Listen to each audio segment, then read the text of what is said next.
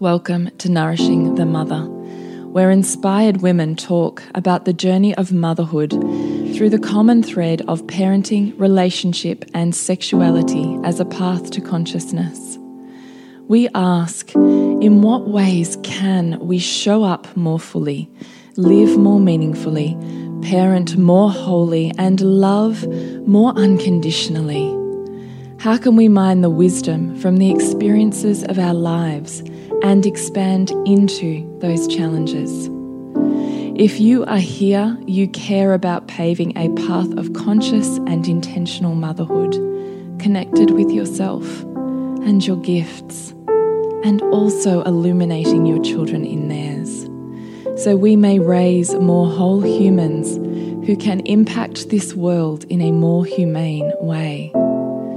And if you feel like giving a little back to this free content, please become a patron of the show and receive extra member benefits for less than a coffee a month. Or you can leave a review on iTunes and Facebook, all of which helps the podcast keep going and reach more mamas who need this type of tonic for the soul. Head on over to patreon.com forward slash NTM podcast to find out more. We are Julie Tenner and Bridget Wood, and we are so grateful you're here.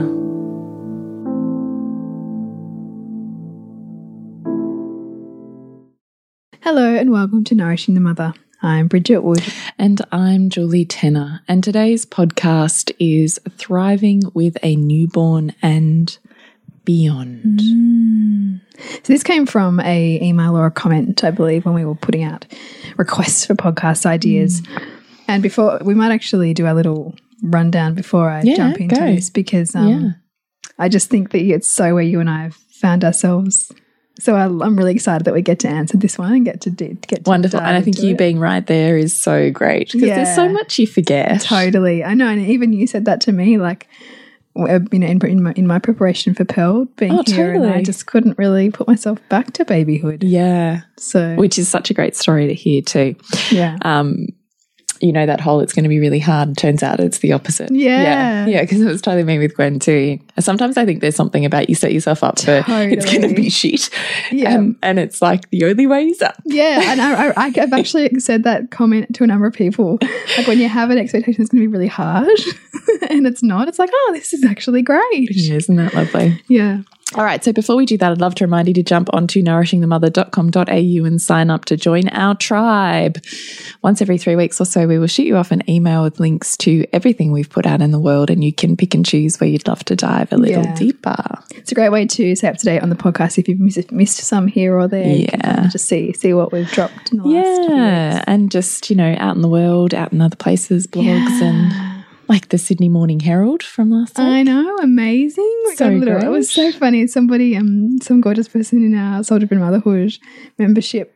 Um, Let us know because we totally would have missed it otherwise. I, my my only comment was just what, like that. Um, that obviously nourishing your mother as a podcast is um the word is spreading, and so so somehow this journalist had um heard about us. Oh, which I was tickled pink about because initially I was reading the article and thinking, okay, this is you know ABC funded because it was this program and that program and yeah, that. yeah. And then it moved into people like, like you and yeah. I love, like Janet Lansbury and Maggie Dent and Nourishing the Mother. And I was like, what the fuck?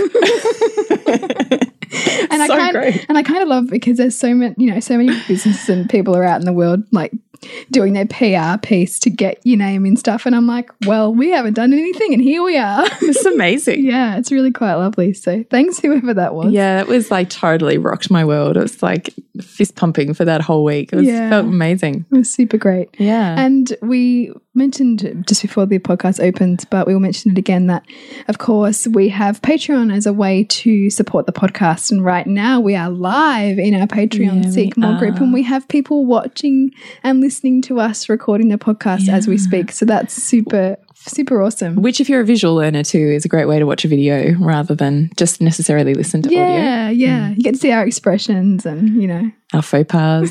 faux pas. the behind the scenes. Oh, I forgot we were recording. Yeah, yeah. Because that happened. so, yes, let's dive into this week's podcast. Yeah, do. I'm really excited for you to read this actually because I know I love that look on your face when you're like, I'm so ready for this conversation. It kind yeah. of, I feel that energy and go, yes, me too. Yeah. So, this beautiful listener has said, you know, moving away from attachment being everything and losing myself in relationship how do I care for myself and my older child and husband while also meeting the needs of this precious person we've been blessed with? So, this is a mother who really took to her first child from a place of meet every need before it becomes a need. They must be on me all of the time. I am it's everything. I need to soothe, you know, I need to give all of myself essentially. Yeah. So it's the classic attachment parenting paradigm mm. in which to to meet this newborn. And Coming from the philosophy that mammals are not supposed to, you know, we have a pouch essentially, yes. you know, that we're not supposed to be separated from our young, that tribally or traditionally we would have, you know, uh, slept in family beds and yes. babies would have been worn on backs, you know, while we were working and we'd have just got them down to feed them and back on they'd go. And so it is coming from this background of for really secure, healthy attachment, needs need to be met so that the child recognizes that they are safe, whole, and yeah. complete as they are, yeah. and that they are safe in the world to ask for what they want or need and learn that that can be received. Yes. Or responded And that's to. a beautiful way to encapsulate it. And I think, you know, the I guess the the go-to or the textbook of this is really the continu continuum concept. Is that how you say it? Con continuum? Continuum. Continuum concept. Um, which is is like kind of the the Bible, I suppose, mm. of that style of of attachment parenting. And so it is beautiful. And when you find yourself there and you're loving it, then it's just magnificent.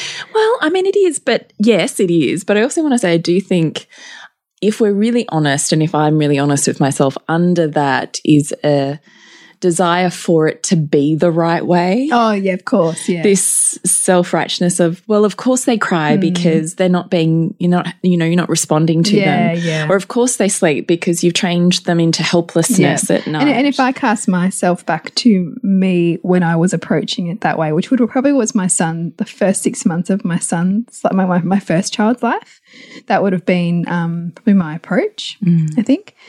And there was an enormous self righteousness with that, you know. That and self righteousness, I think you can have a label on self righteousness, but self righteousness from the point of you're defending your position because it's so vulnerable. Yeah. Otherwise, and also, who would I be if that wasn't the right way? Mm. And who would I be if I wasn't do wasn't giving of myself in this way? Because mm. for me, there was security in being needed in that way. I perceived that I was needed because that helped me hold on to a sense of mm. identity, which was in free fall mm. you know, having made that transition from independent professional woman mm. of the world to stay at home mother, trying to find out who I am now. So there was an enormous um, benefit unconsciously for me in my mm. perception of being needed in that way. Mm. and providing that sense of closeness. So I can see mm. now casting my mind back to that place that I wasn't also gaining so much, even though there was a sense of losing myself in that. Mm.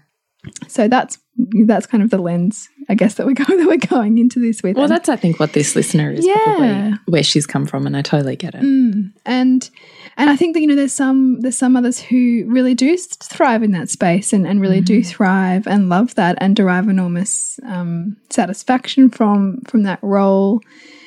But there are others who find that that um, leaves them really spent in mm. in many different ways physically emotionally mm. relationship wise mm.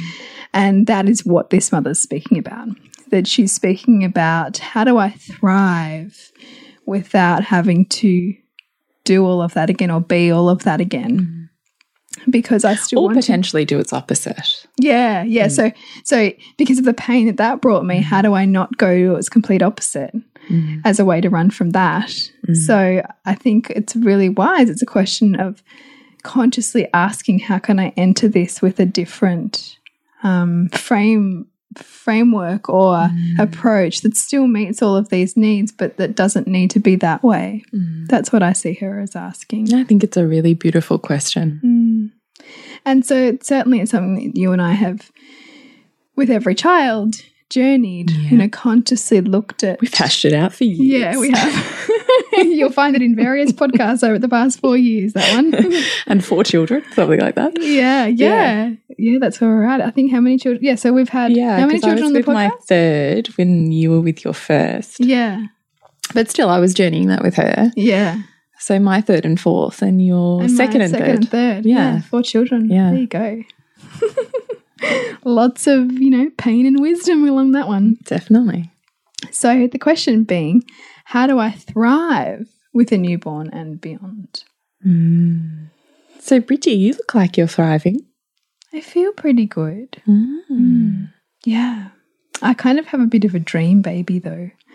But Do you, though? well, I don't know because uh, this is this conversation you and I occasionally have, which is is she a unicorn baby or am I just Different. different? Mm. Yeah, and I think that it's yeah, I don't know. It's a, it's a little bit like a soup, right? Like you can't kind of separate the baby from the mother in that dynamic and that question, really, because is it the baby or is it me? Mm. And I think you know a lot of it is my approach this time, and Which is different how? which is different. Seeing that that sh that my daughter is is entering a family dynamic, you know, is entering. She's not this, you know, poor helpless baby who needs constant touch and support and soothing and quiet and closeness and you know all the mm. things. She is a whole person born into a dynamic, dynamic that she knows she's entering, that she is forming relationships with people independent of me, that I don't get to control, I only get to guide. Mm.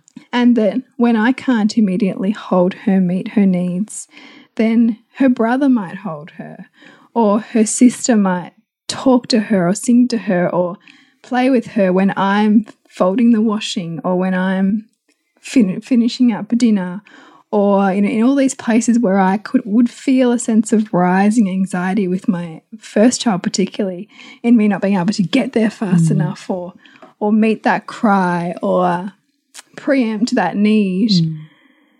I have a bigger picture view now that sees more, I suppose, when I only saw it through a really narrow lens. Mm. And I do think with every child, it, you naturally, as a mother, relax a little bit. You know, the anxiety kind of mm. calms down.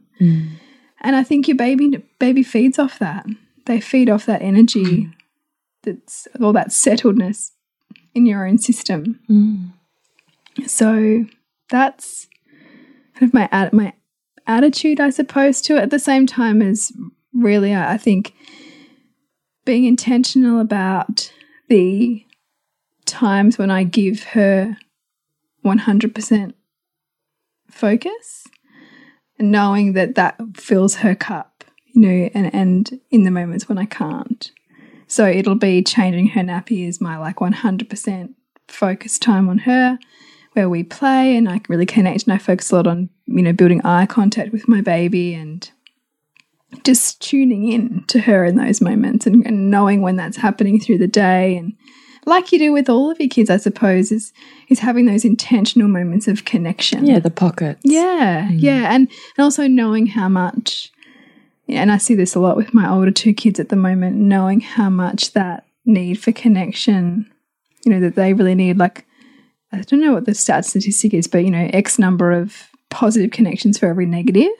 negative, and seeing that the more I can use, the more I can consciously fill each of their cups, the more everybody is feeling good. Mm. So, doing the same thing with my baby is noticing that with her.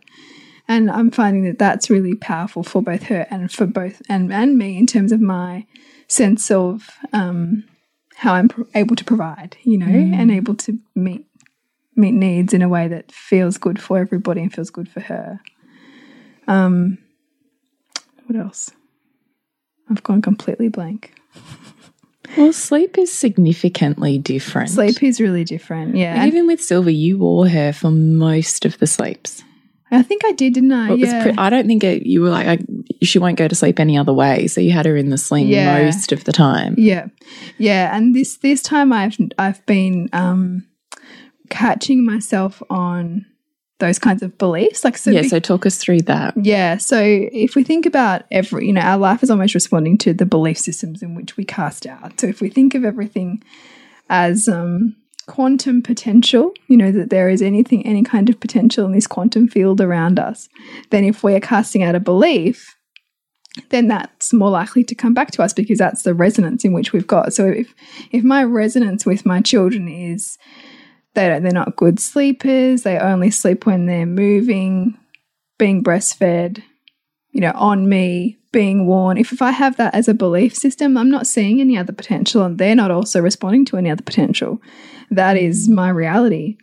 And so this time around, I've certainly, even from birth, really been. Well, Pre birth, even in pregnancy, you were really investigating this. Yeah. Yeah. Well, because I was. You used to hit me up with so many questions. I was, wasn't I? Yeah. I, you were really like, I can't do what I've done. I don't have yeah. the time or my hernia anymore. I can't. That's true. Yeah. You know, and same with me with my, I had the pro, well, had the prolapse and I was like, I can't, I yeah, just, one, yeah. don't want to, but two, can't wear her the way that mm. I, I have previously. Yeah. And I think that's the whole thing when your why becomes big enough, you start to, you start to break apart your long held or trusted, um, belief systems or, or ways of being, you know, in relationship to your children, yourself, your world.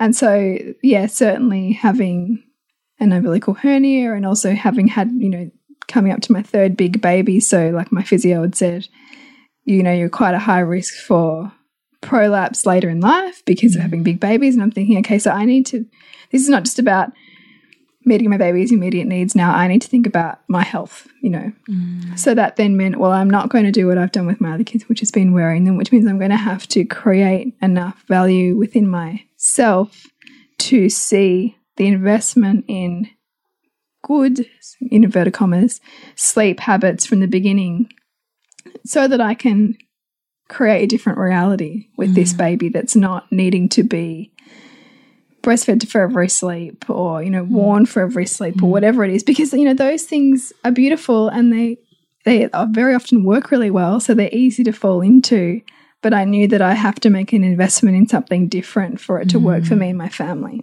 mm. And so that was you know I was like grilling Julie even when Pearl was just a couple of weeks old on like the how to perfect the pram sleep and like you know have all of these different things in place. Well it's playing those edges and if it's not something you've done before there's a level of is this okay? Is yeah that like that noise? Is that i don't know what happens here. Yeah and feeling into that and feeling into that part of me that wants to go into my old pattern you know or yeah. like and even now, like I've been bit that rise of she needs me. Yeah, I need to pick her up. Yep. As opposed to as opposed to listening, you know, and, and connecting yeah. to my this body. This is the thing, isn't it? What is connection? And, yeah, because mm. what is connection? Also, what is saving a part of yourself that doesn't want to go into discomfort, mm. which I think was was is how we can get to too. Because you know, if we're feeling you know, maybe lack of connection elsewhere in our lives, and we're going to want to have that with our baby or we're going to want to have that with our child. So soothing them becomes soothing ourselves as well. Just interrupting this podcast, Thriving with a Newborn and Beyond, to talk about soul driven motherhood and what we are dropping in there as we speak, which is soul driven, heart opening motherhood. It's the basis of all the things we talk about in the podcast, a really grounding inspiring course to connect you with, to yourself in motherhood and to your vision for your motherhood and to seeing the bigger picture at play. So we invite you to join us in Soul Driven Motherhood, our membership for $1 for your first month and to get the basics and the basis of all that we talk about here at Nourishing a Mother. And also, I always think that as well is that we can project because we're projecting most of the time and, yeah. and going, my baby is suffering, needs me, mm. doesn't think I'm there, when in actual fact, it's that our body has had a rise yes. or a trigger, a discomfort that we're feeling in our own physiology. Mm. And our ego is designed to feel it and then push it outwards. It's because of that. And it like attaches yeah. instantaneously outside of us. Yeah.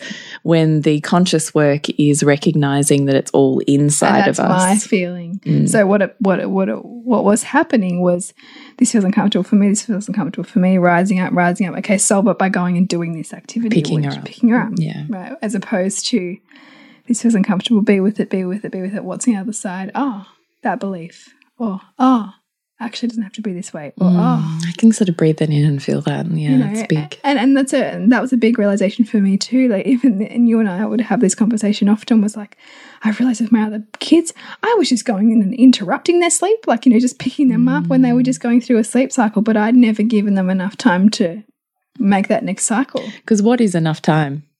Yeah, that's right. Well, I mean, But what is that for you? well, I think for me, probably it's um a minute, maybe? Minute, two minutes, mm. the moment. Yeah, I probably would have at that age too. Yeah, And then probably under one, it would have been up to four minutes. yeah, And that's not of like flat out crying, but I think it's that they have this kind of almost whinge that comes under the cry when Yeah. they're looking to resettle. And I think if you haven't really learnt to regulate your own response to crying Mm. first off, and you're dealing with those triggered feelings, it's hard to discern we, yeah, those yeah. cries. I think there's a clear level. Like there's like there's a there's the grizzly sound, and then then there's the I need help. I can't come back from this sound, Yeah. which is the next level up, which is Yeah. what I would immediately always respond to, Yeah.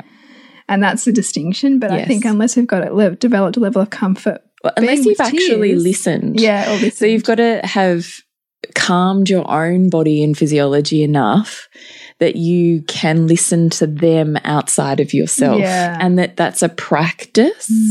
I'm watching you, I'm observing you, I'm connecting to you Mm. energetically, emotionally while I'm, you know, it's like that we do with our older kids, one foot in dysregulation, one foot in regulation while we work out the this separation of our stuff from your stuff. Mm. And it's the whole, I mean, you talk about this all the time is let's observe before we enter. yeah, You do it with toddlers, you do it with play, you do it with older kids, Mm. you do it with sibling dynamics. Mm. And so the missing key is to do it with kids and sleep. Yeah, and with newborns, which I think for me too, like because we, we have a collect, particularly in a in a you know attachment inclined parenting model, we have we still have a really strong sense that these newborns are, are, are helpless and these mm-hmm. newborns are so fragile that is that it is another level altogether mm, to to cultivate that as a practice with newborns too. Having not having recognized that actually being in the womb is actually a really violent place you know that, that to mm. grow and to be to survive a pregnancy and to you know like that's not this calm constantly nurturing environment. That's also full of challenge as well. Mm. So let's not forget that that that they're not also Well, it is biochemically life or death most days. yeah it is. And then also like to for for the cells to continue to multiply and grow the way they are and and our own bodies not kill them off. I mean like mm. that's it is a life or death battle constantly and so we, we, we need to recognize that, that even our babies are wired for Stress you know, adaptation. stress and, and Yeah. challenge. It's not Yeah, that we're going to willingly give that to them, but but to to remove any kind of whimper for them or to have this overwhelming sense of sympathy for any challenge that they might face is is actually stunting their growth i think because mm. they're already you know wired for that you know from the moment of conception Mm. so i think widening that that lens in which we view newbornhood is is wise Mm. but yeah, thri I mean, thriving looks like understanding their needs and your own, and knowing what Mm. what you need to feel good to continue to Mm. serve them Mm. and the rest of the children and the partner and you know the whole dynamic really. And what does that look like for you that's different this time? Um, still maintain. Although I, although I maintained like my own interests in my work last time too, but that's been important. Like, it's my own. I need to feel like I've got a creative outlet in order to feel like I'm not sucking Groundhog Day. And I also need to see a bigger picture purpose for what I'm doing. So it can be really easy to get sucked into the cultural, the dominant cultural paradigm that we're in, which doesn't really value parenting Mm. doesn't really value the service of motherhood. Mm.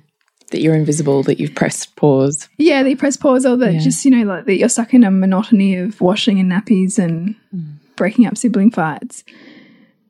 To see that actually that's a choice to subscribe to that as a paradigm, whereas I have an entirely different possibility in which I can plug into, which sees this as deeply meaningful, as enriching, as a great service to myself, my family, and the world.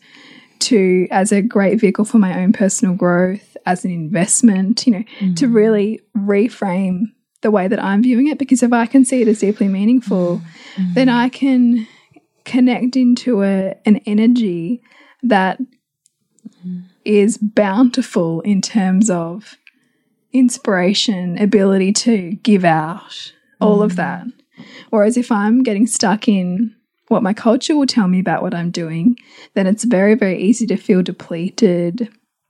It's very, very easy to feel, mm. you know, unimportant, taken for granted, you know, all of those things. I really love that. I think that's such a beautiful reminder. Mm. But it's a practice, you know. How It is a practice. Sorry, it's not even a reminder. You're absolutely right. Yeah, and I can, and and even just It is a type of mental ninjahood. yeah, I think it is. And I mean, you and I have talked about this. It's almost like a devotion to love. You know, you mm-hmm. said that the other day. Mm-hmm. How we, you know, and even like I look at this with with the things that my daughter, my my three year old, is interested in. I mean, she wants to help the fold the clothes and and she wants to help around the house. And, you know, the feminist, the raging feminist or the capitalist might say, but that's just work. You don't want her to do that kind of work. That's meaningless. That's setting her up for a life of drudgery. But yet, it's not about the thing. It's mm-hmm. about the sense of process, the sense of contribution, the sense of being part of mm-hmm. something bigger than her.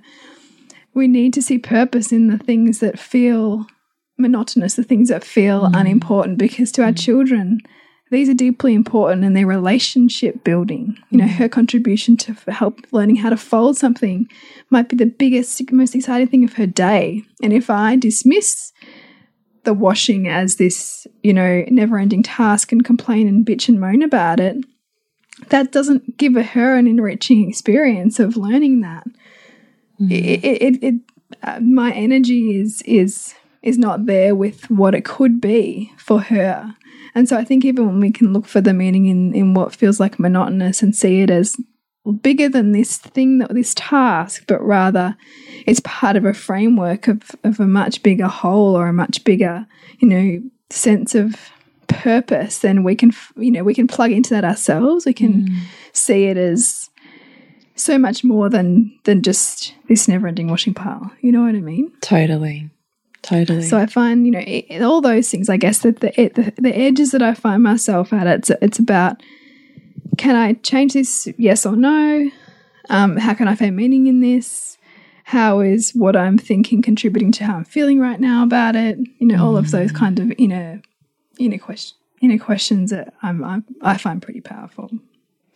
And have you changed, like talking about thriving, have you changed the pockets of time, intention, or way that you look at your relationship with a newborn? My intimate relationship. Yeah. Yeah. I'm certainly nurturing that a lot more than I have in the past. And What does that mean?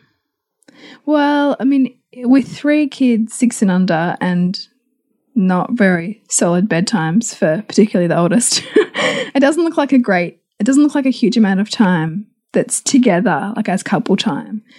But it's for us bringing the fun and the lightheartedness and the connection and the passion, even with the kids around. Mm-hmm. And it's me noticing my projections onto him of how I think he should be, or, or you know, whatever I've got that's niggly, addressing it within myself. If it's if it's first of all my projection, or if it's not that, if it's something that needs to be talked about, having that conversation as opposed to harboring stuff, because I know that we both function much better, and the family does when I'm feeling really connected to him.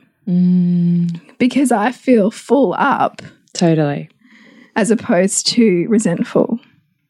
So that's key. I'm much more um, Focused on focused that. on that. Mm. Yeah, yeah, and and really focused on. I think So, how do you do that? So, you're doing it when kids are awake. So, in terms of needs of a newborn, would you say that that's the same or that you're specifically going, okay, newborn's down, now it's time for hmm. this focus? yeah, I'm doing that more than I ever have before. Yeah. Yeah, tell me about that. So it might be when I know that she's going to be sleeping for a few hours. It'll be even though I could go and do like work or something else. It's actually sitting down and seeing what my husband's interested in and connecting him with him now, mm. or asking for together time. Mm. So, you know, like we'll get Uber delivered and we'll have a glass of wine or you know, it doesn't have to be this grand thing, but it's something that feels like a connection point, mm. you know? Yeah. And it's lingering longer in the hug or allowing, you know, like our sensuousness and and and eros, I suppose, to blossom when it's there, as opposed to rushing off to do the next thing. Mm. And even when it's there, it might be with the kids all running around, but that that's okay because they they can they can feed off that too, you know, and that that being a good example for them on relationship and connection and just being more in those moments as opposed to getting ahead of myself of the next thing and the next thing and the next thing. Um, that presence, I think, is really powerful. Um, what else?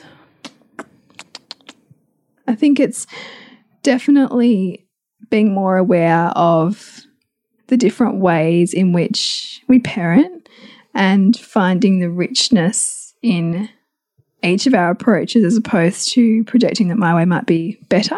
Mm. And really, and what that's really enabled me to do this time is to just see the love more as mm. opposed to my idealistic view of what, what, you know, parenting should look like or connection should look like. Like really learning, and I think this is a beautiful thing to do with our children too, is to really learn what the service of love looks like mm. and the language of love looks like with each person in my family because it doesn't look how I think it should look. And I love being reminded of that when I can open my eyes enough to see it. Mm. So the ways in which my husband, you know, look for a little while because it was just so much me with the baby, I would feel I remember like thinking that I wanted to say to him, like, just go and fall in love with her, like with our baby. And I love it because I never pushed it. I just, I let him find his way with her. And now I just watch him with her. And I'm just like, oh, I said to him this morning, I said, so nice looking at you with a baby. Like it was just really beautiful to witness and allow that and watch that evolution of that love build, you know? Um, so that's been nice too. I think it's just becoming more self aware and then allowing um, myself to observe more before I enter into everything and make things have to be my way. Mm. Yeah, I feel pretty good. What are we? Nearly three months, maybe almost 10 weeks postpartum. You know, and I do, I mean, in this, in my case, I'm enormously grateful that I think that the birth experience that I had set me up Mm. so beautifully for this postpartum experience too. Why do you think that was? Like, what's the difference between a good setup and a not good setup? I don't feel like I'm really recovering from anything, mm. you know? Like, certainly, okay, and I've been thinking about this concept of postnatal depletion, and, and I'm aware, like, I'm aware that I get quite tired, and I know that breastfeeding's taking a bit out of me, but I think mentally and emotionally, I don't feel like I have an enormous recovery process from the transformative nature of the birth which in many cases is not true, you know, if you have any sense of trauma around birth. So that's the difference, I think. Hmm. Do you have anything to say about thriving? I think you've nailed it. I think it, uh, look, I've really enjoyed watching you with this newborn baby. It's been a real, a real pleasure and delight, actually. oh, that's nice feedback. Thanks. You're welcome. um, but no, I've really enjoyed it. It's this beautiful mix of delicious mushiness and conscious awareness. Mm. Like it's this really lovely, lovely flow and transition. And I just, I think that's really lovely. It's really lovely to watch and watch your evolution and, you know, watch this baby surprise you. Like I remember that day we was standing here talking about how you put a baby to sleep in a pram and you were like, I don't know about this. And now you're like, she's magic. it's true. and I'm like, I love that. I love that we can still surprise ourselves. Yeah. And I mean, we say it's the baby, but it's not really. Mm. And go, wow, I didn't even know that was possible. Mm. Like, I just, I love that. I just find that exciting and pretty exciting, isn't it? thrilling Yeah. and interesting, you know, and even interesting in terms of not going into any type of shame spiral, but just digging deeper backwards Yeah. and just going, oh, Mm.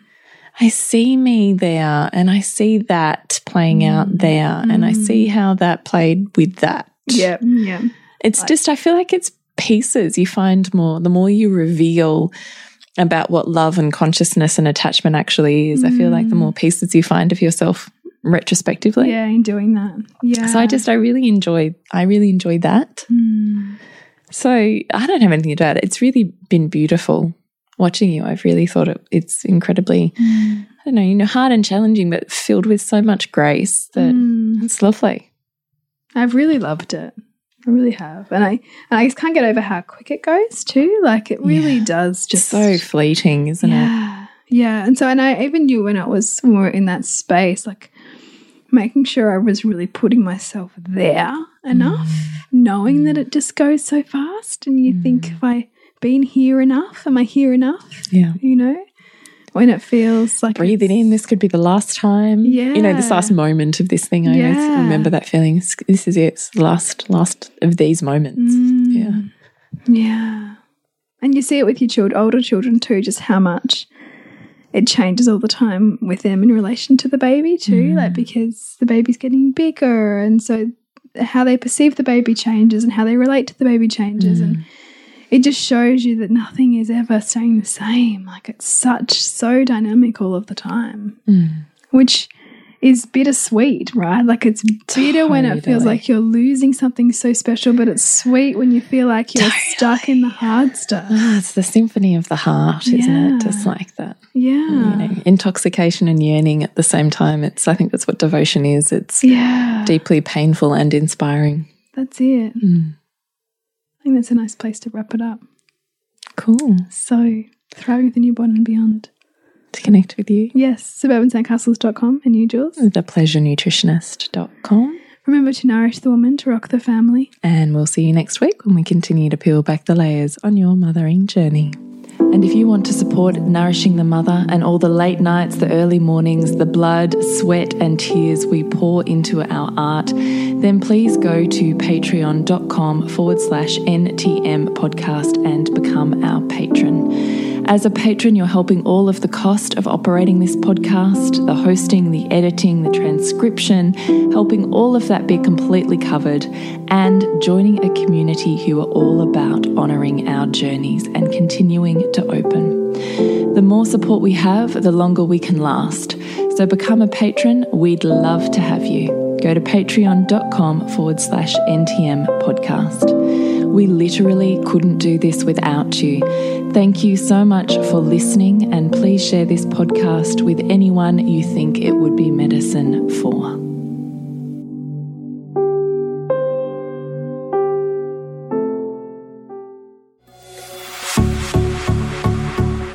This has been a production of TheWellnessCouch.com. Check us out on Facebook and join in the conversation on Facebook.com forward slash The Wellness Couch.